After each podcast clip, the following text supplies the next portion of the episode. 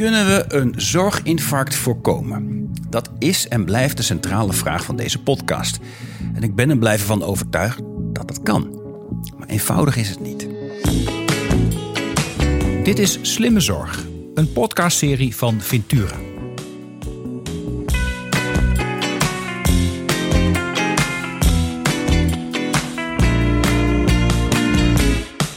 We leven in een land dat razendsnel vergrijst. En binnen 15 jaar zal de zorgvraag verdubbelen, terwijl we nu al het hoogste percentage werkenden in de zorg hebben eigenlijk van de hele wereld. De deur naar meer geld voor de zorg, die staat wellicht nog op een heel klein kiertje, maar de deur naar meer mensen in de zorg, die is definitief dicht. Sterker nog, we mogen onze handen dichtknijpen als het lukt het huidige aantal werkenden in de zorg te behouden. Maar zoals gezegd, ik blijf positief, bedankt aan de vele gasten die ik inmiddels voor deze podcast heb mogen spreken. En geen enkele gast had de ultieme oplossing voor alles. Die is er ook niet. Maar iedere gast bracht wel een cruciaal puzzelstukje waarmee de puzzel van de zorg in de nabije toekomst passend gelegd kan worden.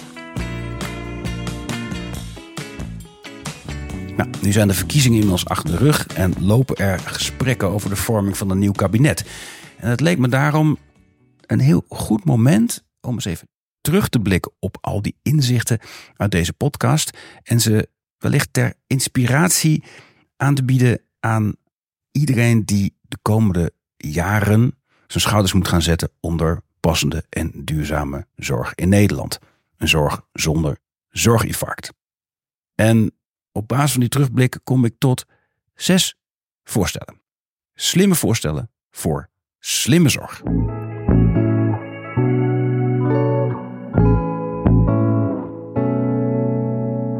Daar gaan we. Laten we beginnen met voorstel nummer 1. Kies voor digitaal tenzij. Over digitale zorg wordt al lang gesproken en mondjesmaat wordt deze zorg ook wel in de praktijk toegepast. Maar om een zorginfarct te voorkomen, zal die digitale zorg maximaal ingezegd moeten gaan worden. En dat is een forse verandering ten opzichte van nu, waarin de digitale zorg moet gaan veranderen van een bijzaak naar een hoofdzaak. Maar kan dat wel? Kan dat wel zonder dat we de zorg laten verschralen? En is het voor de zorgprofessional dan nog wel leuk om zijn of haar werk te doen? Als die digitale zorg zo'n grote vorm aan gaat nemen. En zijn in het bijzonder oudere patiënten wel vaardig genoeg om met digitale zorg uit voeten te kunnen? Ik had het erover met Hans Mulder, bestuurder van het Wilhelmina ziekenhuis in Assen. En hij heeft veel ervaring met het breed inzetten van digitale zorg. En die kan vanuit de praktijk bewijzen dat er geen koudwatervrees nodig is om vol in te zetten op digitaal tenzij. Hetzelfde als een, uh, als een ziekenhuis die zegt digitaal tenzij. Hè? Dus dat je, de, dat je mensen eigenlijk zoveel mogelijk in de uh, digitaal en in de thuissituatie wilt, uh, wilt behandelen. Ja. Um, um, en dat ook wel gezegd wordt, hè, als ik, heb ik dan nog wel plezier in mijn werk? daar moeten we zeker aandacht voor hebben. Hè, want dan gaat het eerst even voor die zorgmedewerker. Hoe gaan we dat nou doen? Dat als mensen thuis behandeld worden, dat die zorgverlener, die heeft toch het idee wellicht, ik wil die patiënt graag zien. Ja, dat is, dat is nog wat anders dan het maatschappelijk sentiment. Zeker, maar, maar die zorgverlener heb je ook gelijk. Daar kan ik zo ook wel iets, iets over zeggen.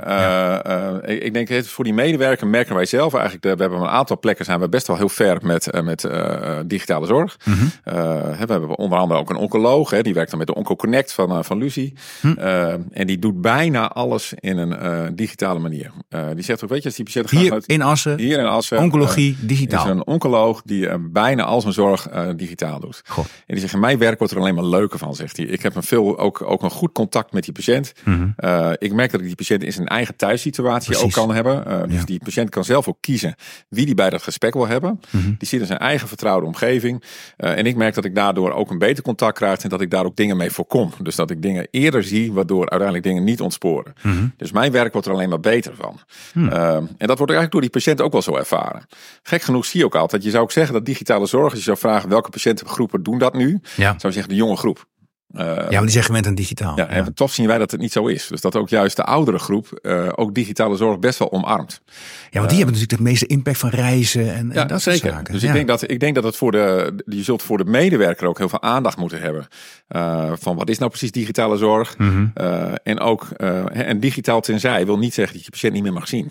Dat, Nee. dat als de patiënt wel graag wil komen, jij vindt als dokter dat die patiënt wel moet komen, moet het natuurlijk altijd kunnen. Ja. Maar die combinatie, en ook dat je met ze goed digitaal vaardig maakt, want dat hoort er natuurlijk ook bij, uh, zien wij eigenlijk niet dat het werkplezier van een, van een professional daar heel erg op achteruit gaat. Dus eigenlijk vooral koudwatervrees. Ik denk dat dat zeker, ja, dat, dat is zeker zo. Dus dan, maar daar moet je wel aandacht voor hebben. Uiteraard, um, En kijk, uiteindelijk zie je bij ons nu ook wel dat digitale zorg, um, ja, is dat nog iets van, uh, van dokters die daar, hè, dus die slag maken. En wij moeten nu ook naar hè, digitale zorg 2.0, is dat het eigenlijk geen vraag meer is of het zou moeten. Hè. Dus dat het over het hele ziekenhuis zou moeten. Uh, en dat geldt ook voor de eerste lijn. Hè. Dat zul je ook met digitale zorgpaden het een en ander moeten doen. Ja. Uh, is misschien daar nog wel een grotere uitdaging. Maar, dat, maar de voorbeelden die ik zie, zie ik daar ge zeker geen dokters die daar rondlopen met, hey, ik vind het eigenlijk helemaal niet leuk. Sterker nog, ze vinden die innovatie en die technologie die je doet eigenlijk heel prettig. Mm -hmm. um, en ook communicatie met zorgverleners over de lijnen heen. Hè, dus dat je daar ook met digitale zorg, een beter dichtbij of een VIP Live. Mm -hmm. hè, dat zijn ook allemaal media dat, uh, dat je asynchroon met de andere zorgverleners kunt gaan communiceren. Mm -hmm. Dat levert ook gewoon tijd op. Uh, dus je, je, je, je gaat een beetje van die ad hoc af. Uh, en dat vinden dokters, zorgverleners vinden dat prettig. Ja. Dus met, die... dus met digitale zorg kun je je patiënt kun je in de eigen omgeving zien. En ook op het moment dat het voor de patiënt van belang is over het algemeen. Dus je kunt beter, beter plannen, want daar word je, wordt er beter van. En zeg maar die andere tools, ja, asynchrone communicatie. Dus je kunt makkelijk informatie uitwisselen en je hoeft niet heel te bellen en daarin verstoord te worden, zeker, et cetera. Ja, zeker. Ja. En dat helpt. Ja. Uh, dan moet ik wel zeggen, dat, dat hoor ik ook wel vaak, dat echt een, een, dus een beeldbelgesprek. Hè, dus dat je een digitaal, uh, dus dat levert niet per se tijd op. Nee, is ook een gesprek. Uh, is ook een gesprek. Mm -hmm. maar als je kijkt naar hè, monitoring dicht bij de patiënt, dus dat je met ze thuis eigenlijk monitort om te kijken, kun je voorkomen dat ze het ziekenhuis in komen. Ja, dat bespaart natuurlijk wel degelijk tijd. Ja. en daarmee kun je ook een andere patiënt weer meer tijd gaan geven. En ook dat merk ik dat zorgverleners dat prettig vinden. Ja. Het is niet zo dat je alleen maar tijd afsnoept. Uh, je moet er juist voor zorgen dat die patiënt die die tijd nodig heeft in het ziekenhuis, dat hij die, die tijd ook krijgt. Ja. En ook dat doet wat voor het werkplezier van de professional, denk ik. Want dat is wel één, hè, het plezier in je werk, um, dat gaat de komende jaren echt cruciaal worden. Als wij niet voor onze mensen gaan zorgen, dan, uh, dan lopen ze massaal de zorg uit. En dan, uh, ja, dat, dat is denk ik wat je echt moet proberen te voorkomen. Ja. En als je kijkt naar de, de burger, mm -hmm denk ik dat we daar ook zeker aandacht voor moeten hebben. Uh, hè, bij ons hoor ik het ook wel eens. Uh, en ik, uh, ik, ik, ik, ik, woon ook in Assen en je werkt in Assen. En je hoort van, ja, als ik bij die en die specialist kom, dan word ik alleen nog maar gebeld. Hè, dat, dat, dat, dat, dat is, daar, moet, daar hebben we nog wel iets te doen. Ja. dat je moet uitleggen aan die burger dat dat, dat, dat digitale contact en ook het niet altijd zien van een, een dokter, maar dat een verpleegkundige minstens net zulke goede zorg kan leveren als die dokter in heel veel gevallen. Dat brengt me bij voorstel nummer 2. Kies voor handen van het bed. En zoals gezegd, we staan onder enorme personele druk en het wordt niet meer beter dan dat het nu is. Medewerkers harder laten werken is absoluut geen optie. Veel zijn al overwerkt, dus harder werken moeten we niet doen. Maar anders werken en anders denken over zorg, dat kan en moet wel. En we hebben het al gehad over maximaal inzetten op digitale zorg. En dat is daar een belangrijk onderdeel van, maar dat is niet genoeg. Haal de handen van het bed, juist om ze beschikbaar te houden daar waar ze het meest nodig zijn. En zet samen met de sociale omgeving van de cliënt en de patiënt maximaal in op het zoveel mogelijk behouden van de eigen regie. Daarop richt zich René Wilke, bestuurder van Sensieren, de grootste organisatie voor langdurige zorg in de Achterhoek. Is er heel gericht mee bezig. Anders denken, anders doen, handen van het bed. Maar dan zijn, we, dan zijn we nog niet met handen van het bed. Dus een deel organiseer je, is het een organisatie van digitalisering, anders organiseren. Maar een deel, hoorde ik je aan het begin ook zeggen, gaat echt over, ook over de vraag: uh, is dit wel van ons? En is het eigenlijk niet van een ander? Heb je daar voorbeelden ja. van? Um, ja, zeker. Dat denk ik wel. Ik, ik, wat je ziet is dat uh, wij, hè, Nederlanders, dat geldt ook, ik weet niet of het voor jou geldt, maar het geldt ook voor mij, denk ik. Uh, gewend zijn en verwend zijn als het gaat om zorg in Mhm. mm. Nederland. Uh, het stelsel, wat er allemaal betaald wordt en wat er allemaal kan. Mm-hmm. En dat is natuurlijk heel mooi. Maar op het moment dat het niet meer kan, zul je toch met elkaar moeten kijken hoe het wel kan. En hoe het wel kan betekent echt, en dat is ook het, uh, het model van uh, Machtot uh, Huber, van zorg naar gezondheid. Mm-hmm. Om, om, te, om, om zorg te zien niet in wat kan ik niet meer, maar wat kan ik nog wel. Mm-hmm. En dat we allemaal ouder worden. En dat we dus allemaal uh, op welk front dan ook gebreken gaan krijgen en minder kunnen. Dat is een feit. En bij de een heeft daar heel veel pech in en de ander wat meer geluk. Mm-hmm. Maar als je bedenkt vanuit wat wel kan. En wij bijvoorbeeld ook als, um, als wijkverpleegkundige vanuit die situatie gaan kijken, wat kunt u nog wel? En, en ook echt zorg in te zetten in de wijkverpleging. Het is niet voor niks zorgverzekeringswetten als zijnde tijdelijke zorg. Wat kunt u nog wel? En wat, waar kunnen wij u mee helpen wat u dan weer zelf moet kunnen? Bijvoorbeeld in herstelzorg. Mhm. Zodat wij daarna overbodig zijn en u, u uw eigen ding weer kunt doen. En dat dat ding misschien iets minder is dan dat in het verleden was. Dat is denk ik ook een feit dat we moeten accepteren. En dan kan er soms nog heel veel wel. Mhm. En het nadenken over wat je ook zelf daarin kunt doen. Hè, zelf revalideren. eh, elementen erin, wat naasten daarin kunnen doen. Mhm. En ook anders kijken naar gezondheid. Ik denk dat we daar heel veel in kunnen veranderen. Je ziet het ook met het wonen. Ehm, en het is geen verwijt, want het is heel logisch dat het ontstaan is. Maar we zullen echt met elkaar anders moeten gaan denken over de zorgen van morgen. Hè. Er zijn Mhm. natuurlijk ook veel, eh, ehm, veel spots over gemaakt eh, door, door VWS, vanuit de overheid, door Actis ook. We moeten anders gaan denken over morgen. Is, is bijvoorbeeld ook rondom het wonen. Als je je ouder of je schoonouder ehm, naar een verpleeghuis moet laten verhuizen, is het niet zo dat je dan één keer per week op bezoek kan. En dat daarnaast diegene wel in veilige handen van de ander is. Mhm. Want er is heel veel in een verpleeghuis wat niet door een zorgprofessional gedaan hoeft te worden. Dus wij proberen die naasten ook veel meer aan te zetten om vanuit die huiskamer gewoon het leven door te laten gaan. Alsof mensen thuis woonden en dat daar professionals omheen zijn die dan net even iets meer kunnen voor de risico's die er zijn en ook in de 24 uur continuïteit. Maar dat anders nadenken en proberen vanuit huiskamergesprekken die wij met, met bewoners en naasten veelal, hè, veel, veel van onze bewoners eh, hebben dementie. Mhm. Ehm, om dat andere gesprek te voeren en anders te gaan kijken. Ik heb daar een heel mooi voorbeeld van, vrij recent. ehm, is dat er eh, op een huiskamer echt weer natuurlijk een probleem was in de bezetting. eh, overdag, 's ochtends, eh, zieken, et cetera. En dan gaat er op de groepsapp natuurlijk altijd in de app rond. Wie kan er toch of wie kan er toch helpen? Dat gaat dan altijd ten koste van je vrije uren of je vakantie van een ander. En dat willen we niet meer. Nee. Dat doet iets met de werkdruk en de uitstroom in de zorg. Als dat maar vaak genoeg gebeurt. En we hebben een familie-app, die hebben we ook. Dus die is gebruikt en aangezet. Wie zou er spelletjes willen doen vanmiddag in de huiskamer? En het eerste oogje in het cel willen houden. En dan is er altijd wel iemand omheen in de buurt. Maar dan geeft dit wel net de extra, ehm, de extra hulp in het rooster, bij wijze van spreken. Nou, dat, dat gebeurt. En diegene is gaan rummikukken of weet ik het wat. Een heel gezellige middag geweest. Dat brengt me bij voorstel nummer drie. Maak de verpleegkundige belangrijk. Ook Stefan Valk van GGZ-organisatie Parnassia Groep geeft aan dat slimme zorg erop gericht moet zijn dat mensen hun leven weer kunnen leiden. Dus niet de aandoening of de zorg moet centraal staan, maar het leven van de patiënt. Of de cliënt, zoals hij ze noemt. Dat betekent ook dat je zorg niet los kunt zien van de relevante andere zaken in het leven van die patiënt. Wonen, inkomen, werk en dagbesteding. En in podcast nummer 60 vertelde hij hier zeer uitgebreid over. Maar hij brengt ook een heel ander belangrijk punt naar voren. De spil voor slimme zorg, dat zijn de verpleegkundigen. Daar moet de zorg van de toekomst nog veel meer dan nu op draaien. Maak die verpleegkundigen in de zorg daarom belangrijk. Veel belangrijker dan nu. We proberen daar een aantal dingen in te doen. We proberen de, de zeggenschap te vergroten. We proberen die groep te empoweren. Ik ben zelf verpleegkundige van Ja. origine. Oké, dat helpt misschien dat je daarom ook. Dat helpt, dat Ja. helpt hè. Al zien mensen dat natuurlijk niet is. Ik moet dat vaak vertellen.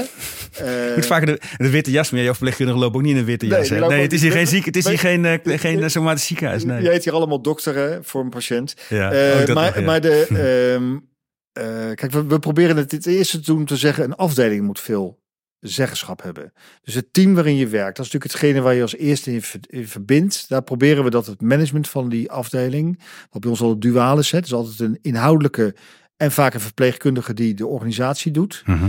om samen met dat team te kijken wat drijft ons hier nou en wat hebben wij nodig aan ruimte en aan dingen om te doen. Dat is het allerbelangrijkste.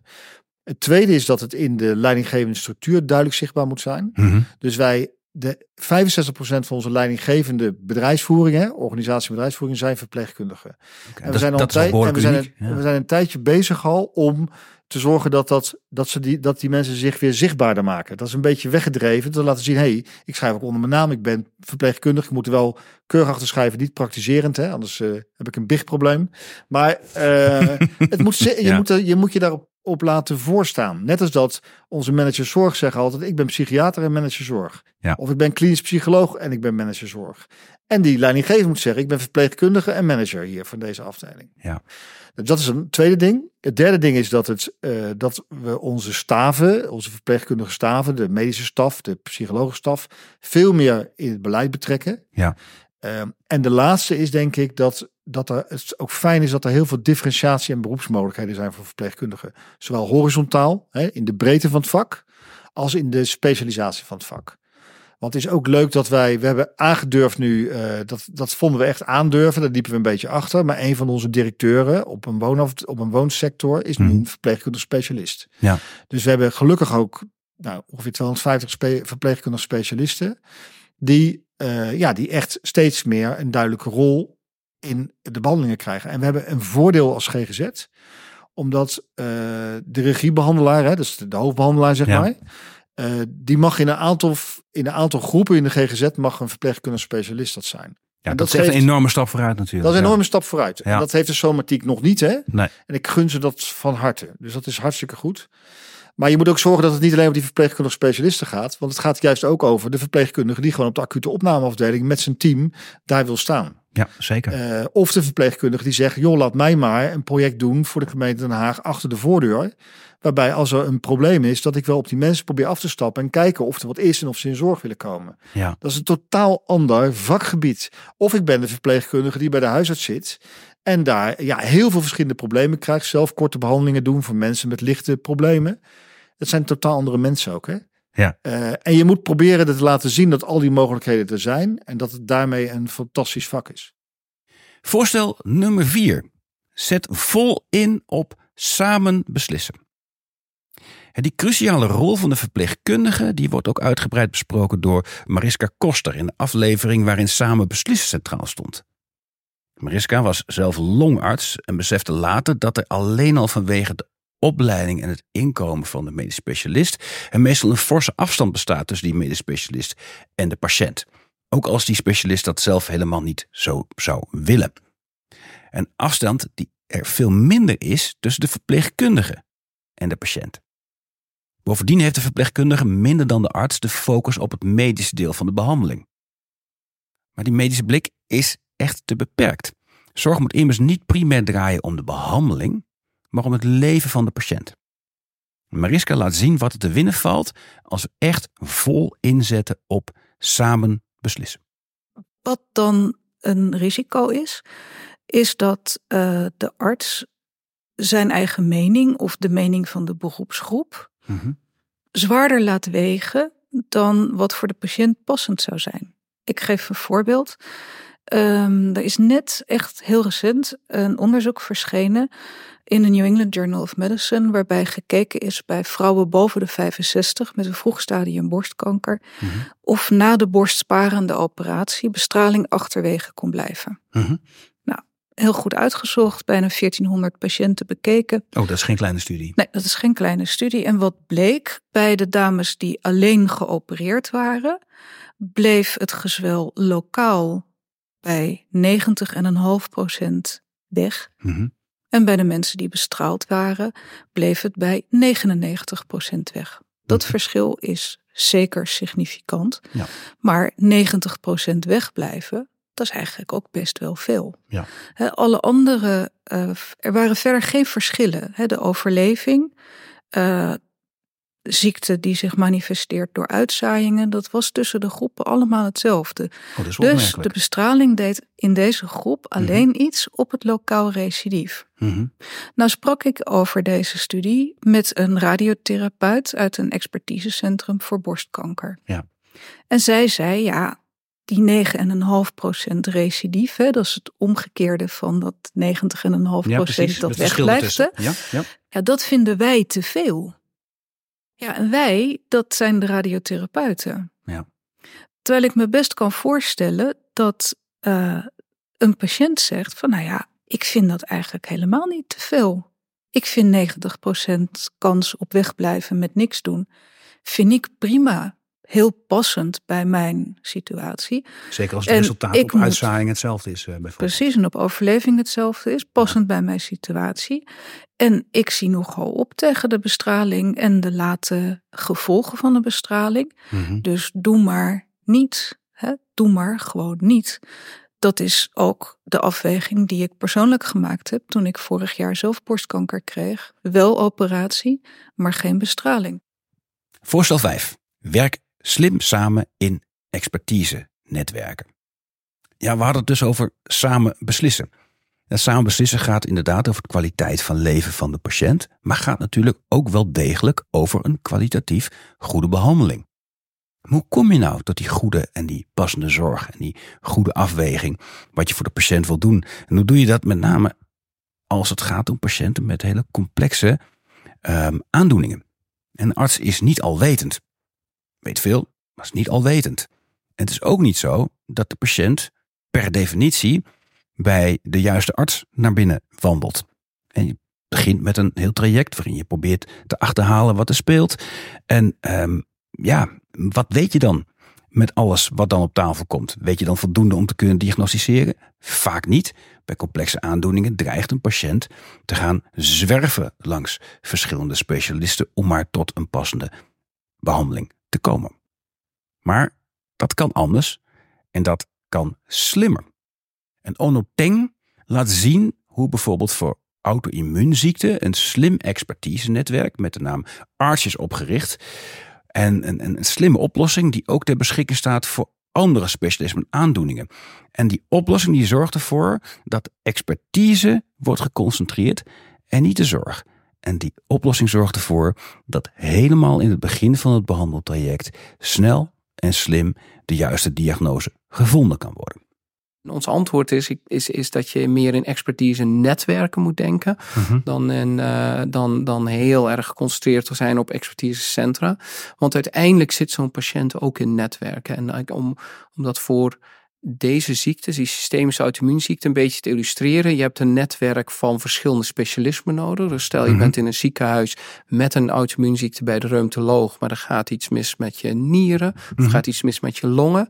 En um, de uh, de, je collega nefroloog of je collega longarts, die komen er ook niet uit. Dan kan het dus best zo zijn dat je zorg enerzijds in je ziekenhuis bij de reumatoloog uh, plaatsvindt, maar dat je voor uh, longproblemen of je problemen in het keel-neus-oorgebied in een ander ziekenhuis weer zit. Ja. En toch wil je die zorg bij elkaar hebben. Ja. Um, ja, en dat is denk ik een hele belangrijke uitdaging die we als arts hebben gezien. En ook hebben gezegd van nou eigenlijk wat ideaal zou zijn is stap 1 de expertise transparant maken voor de patiënten en voor dokter. Maar vervolgens hebben we nog een schepje bovenop gezegd van hoe kunnen we nou die expertise in de polyklinische kamer van die medisch specialist en die patiënt krijgen. Dus helemaal aan de voorkant eigenlijk. Echt aan de voorkant. Hoe kun je nou expertise echt ook transfereren naar die polykamer? En daar hebben we het concept van expertise consultatie um, uh, uh, uitgewerkt. Waarbij we nou, met ons netwerk in Arts heel veel gesproken hebben van nou, als je nou als um, medisch specialist een probleem hebt bij deze zeldzame ziekte, mm -hmm. wat kun je dan doen om expertise op een efficiënte manier te bevragen? En dan denk je al, dat is toch een second opinion. Ja, dit is iets anders, want in een second opinion zeg je vaak, nou, stuur die patiënt maar door naar een andere dokter, naar een ander ziekenhuis. Wordt alles opnieuw bekeken. Wordt vaak alles opnieuw bekeken. En dat is niet altijd per se uh, nodig. Je hebt, uh, nou, bij, uh, bij sommige ziektes heb je juist misschien alleen op het gebied van keels, neus, oorgebied of zo extra advies nodig. Dan wil je op dat stukje hm. die expertise hebben. En ja, die kan dan meteen ook beslissen, is, dat, uh, is het noodzakelijk dat, uh, dat er meegekeken wordt in zo'n expertisecentrum of dat er een speciale behandeling gegeven wordt die alleen in een expertisecentrum gaat. Dus we hebben geïnvesteerd dat er echt nog een beslismoment voor zit voordat je echt verwijst en second opinions doen. Ja. Dat is die expertiseconsultatie. Ja, interessant. Dus feitelijk aan de voorkant, via die expertiseconsultatie heb je ook een soort uh, niet alleen een betere diagnose, maar ook al een stuk coördinatie van de zorg. Dus ja, wat is hier aan de hand? Wat speelt hier precies? Wat zou, als, dat, als we weten wat het is, wat doen we dan waar? Kan dat hier in je vertrouwde ziekenhuis? Of moet je dan toch een keer uh, verwezen worden en dan weer terug? Ja. Ja, en dan, en dan wat ook nog gebeurt in die expertiseconsultaties is dat je uh, moet na, eh, als je weet in welke expertise netwerken je kan opereren, dat je natuurlijk ook gewoon met elkaar uh, uh, meer kennis vergaart. Want door uh, door patiënten heel lang in je eigen polykamer te blijven behandelen tot je niet uitkomt en uiteindelijk een second opinion doet. Mm -hmm. Ja, in die periode zit volgens mij heel veel uh, leervermogen. Je kan met elkaar ook uh, voor wat kleinere issues zeggen van goh, ik, we hebben dit probleem, hebben jullie dit eerder, zijn jullie dit eerder tegen, wat hebben jullie ermee gedaan? Ja. En dan krijg je die, en dan krijg je ervaring, expertise van andere centra en dan kan je het zelf ook weer uitvoeren. En daar zit een soort lerend vermogen ook in, in die consultatie. Want heel veel dingen zou je misschien ook gewoon wel in, uh, uh, samen met je patiënt wel zelf kunnen doen. Tot slot, voorstel nummer 6. Stuur gericht op gezondheid en verklein gezondheidsverschillen. Het is logisch dat in de Slimme Zorg podcast veel over zorg wordt gesproken. Zoals ook al te horen was in deze terugblikaflevering, is voor het voorkomen van een zorginfarct veel meer nodig dan slimme zorg alleen. Een steeds populairdere visie, en misschien ook wel terechte visie, is om een verandering te maken van sturen op zorg naar sturen op gezondheid. In een aantal verkiezingsprogramma's viel dit ook al terug te lezen. Wie weet zien we het straks ook nog wel terug in een regeerakkoord. We gaan het zien. Jochem Miro is er in ieder geval al jaren een voorstander van. En hij ziet gezondheid als een belangrijke voorwaarde voor een maatschappij om succesvol te kunnen functioneren. En dan heeft hij het over het succesvol functioneren van die maatschappij zelf. En de oplossingen liggen volgens Jochem niet primair in het speelveld van de gezondheid of in het speelveld van de zorg. Het gaat om elementaire zaken zoals bestaanszekerheid, veilig werk, goede woningen en veilig voedsel. We hebben het concept de working poor beetje uit Amerika overgewaaid, maar kennen we in Nederland ook. Mensen die gewoon 40 uur per week werken, ja. maar uiteindelijk van een hele stelsel van toeslagen afhankelijk zijn van de voedselbank en weet ik wel allemaal om rond te komen. Ja. En daarvan denk ik, ja, dat is ergens een politieke keus. En ik denk dat we daar als maatschappij ook zouden kunnen zeggen dat de type economische bedrijvigheid wat wij in Nederland willen hebben, mm -hmm. dat is in principe bedrijvigheid waarbij als jij fulltime werkt, dat je daarmee je huur kunt betalen of je hypotheek. Dat je één, twee keer per jaar op vakantie kunt gaan. Dat je zonder allerlei toeslagen rond kunt komen. Dat je dat als uitgangspunt hebt. Ja, en als dat lukt, dan, zeg je, dan hoor ik jou ook door tussen regels door zeggen. Draagt dat enorm bij aan gezondheid van mensen? Absoluut. Want het geeft rust. Het uh, geeft rust. Minder afhankelijkheid, uh, noem maar op. Uh, het ja. geeft ook de financiële ruimte om inderdaad gezondere keuzes te maken. Um, het geeft inderdaad ook de, de mentale rust om eh, niet constant aan stress blootgesteld te worden. Het geeft je ook een veel langer toekomstperspectief, waardoor je misschien de keuzes die je maakt veel meer in een lange termijn perspectief zet.